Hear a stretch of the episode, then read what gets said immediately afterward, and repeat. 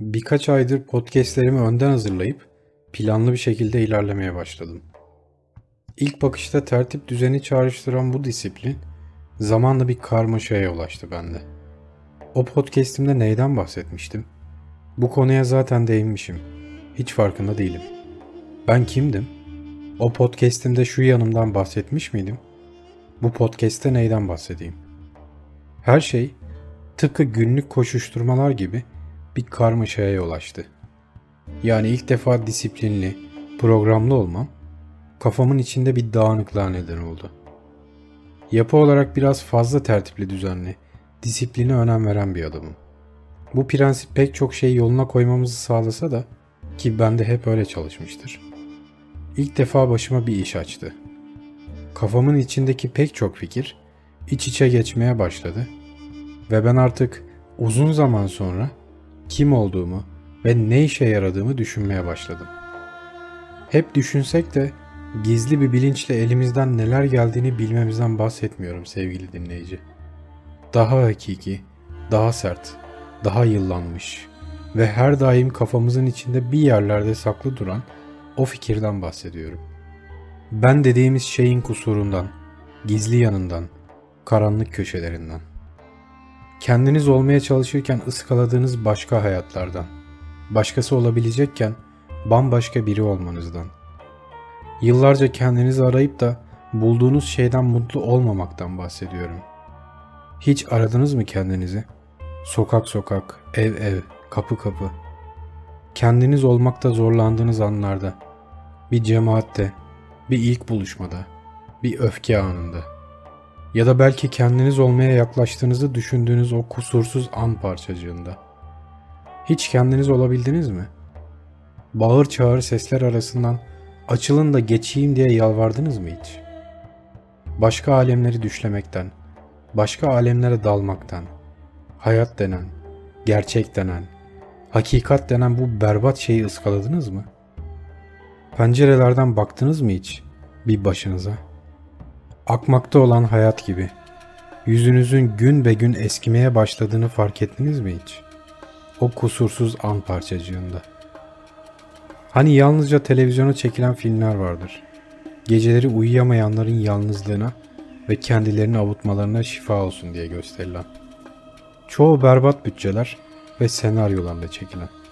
Hani 37 ekran eski televizyonlarda izlenen. Hani çatal ya da sigara paketlerindeki folyo kağıtla anten yapılan televizyonlarda izlediğimiz. Sessizliği delen televizyonun yüksek sesine müdahale ederken siz. Saat sabah dördü geçerken bir anda açılan küçük televizyonun bozuk anten cızırtısı gecenin sessizliğini delerken siz neden bu saatte hala ayakta olduğunuzu düşünmeye başlarken. Böyle anlarda bir anda durup gecenin karanlığını delen küçük televizyonun bozuk sesinin size bir şeyler anlatmak istediğini düşünürsünüz. Ne yapıyorum ben? Sabah işe gitmeyecek miyim? Pek çok mutsuz ve yalnız gibi. Bu saatte ayaktayım diye kederli ve dertli bir adam mı oldum? Neden çok fazla sigara içiyorum? Bu film neden bu kadar kötü? Saat sabah dörtte neden bu kadar yüksek sesle müzik dinliyorlar? Kendimi sevmeye nereden başlayabilirim? Ya da en azından tahammül etmeyi nasıl başarabilirim? İnsan kendisine nasıl tahammül edebilir ki? Nasıl sevebilir? Başka çaresi yok diye mi? İnsan başka çaresi yok diye bir şey sevme yoluna neden gider ki? Bu şey kendisi olsa bile. Aynaya bakınca görmek zulmüne katlandığımız suret neden bir sevgiyle sonuçlanır ki? Ya da hoşnutsuz bir eylemle. Çünkü ancak katlanabilirsek mümkün kılarız kendimizle yaşamayı. Kabul etmek, tahammül etmek, Çocukluğum bir şeylere öfkelenmekle, ilk gençliğimse öfkelendiğim bu şeyleri anlamaya çalışmakla geçti. Şimdi ise içimde biriken kederin tortusu yüzünden elimde kalanlarla kendimi ve hayatı sevmeye, ona başka pencerelerden bakmaya çalışıyorum. Ben dediğimiz o gizemli şeyin ne olduğunu sanırım yalnızca ben değil, gerçekte de kimse bilmiyor. Bu bir keşifse olsa olsa durmaksızın devam eden bir yolculuktur. Varılan bir macera değil. Hep yolda olmanın tarifsiz cazibesi. Arkada bir müzik çalar. Biz yürürüz. Birileriyle tanışır. Birilerinden nefret ederiz. Bir sigara yakarız. İlk biramızı içeriz. Karnımız acıkır ve bazı şeyler yaşarız. Sonra bu ben dediğimiz şey bir gün bir yaşamak sırasında başımıza gelir. Ve nasıl birisi olduğumuzu anlamanın yarattığı o derin boşluk hissi bizi olduğumuzu sandığımız kişiden daha da uzaklaştırır. Çarpıcı bir gerçekle yüzleşmenin korkunç hissi.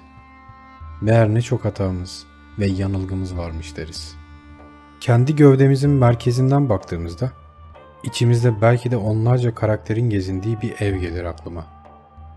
Odalarında tüm gün gezinen çeşit çeşit benliklerimiz, sıkıcı bir görev bilinciyle öne çıkmayı beklerken dışarıdan bakan insanlar bizi hangi benliğimiz, hangi karakterimizle tanımlar acaba? Anne babamıza, sevgilimiz ya da eşimize, arkadaşlarımıza ya da iş arkadaşlarımıza karşı nasıl bu kadar farklı benlikler sunabiliyoruz? Yolda adres soran birine gösterdiğimiz nezaketli tavır, öfke beslediğimiz o adama karşı içimizde uyanan şiddet duygusunu nasıl oluyor da dizginleyemiyor? Dışarıdan bakınca ne kadar tuhaf diye düşündüğümüz insanların kafalarının içlerini merak ediyorum her defasında. Belli bir meziyeti ve nispeten bir kariyeri olan o insanın gündelik işlerde nasıl da aptallaştığını görmek çok şaşırtıcı geliyor bana. Nasıl oluyor da bu kadar basit bir şey bile beceremeyen birisi böyle bir konuda başarı göstermiş olabilir ki diye şaşırıyorum. Böyle anlarda kafalarının içlerini açmak, renk renk, çeşit çeşit var olduğuna inandığım türlü benliklerini kafalarının içlerindeki odalarda aramak istiyorum. Ama beni asıl korkutan şey içimizdeki evin odalarında gezinen çeşit çeşit karakterler değil. Her insanın içinde bulunan insan canavarı olmuştur hep. Olmadık zamanlarda bizden daha zayıf olduğunu düşündüğümüz o kişiye kolaylıkla gösterdiğimiz canavardan bahsediyorum sevgili dinleyici. Ben dediğimiz, kusuru kendi özünde olan o gizli canavardan, eksiklikten ve belki de bizi zehirleyen o tarifsiz ışıltıdan. Karanlıkta beliren bir gölge gibi, yeni açılmış bir yara gibi, hatırladıkça iç burkan o tarifsiz şey gibi.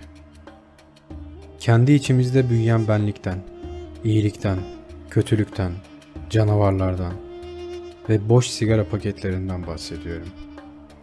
Bazen kimyanın bozuk anahtarıyla, bazen sarhoş bir sesle, bazen de derin bir keder ve sahici bir yanılgıyla kendimize seslenmekten.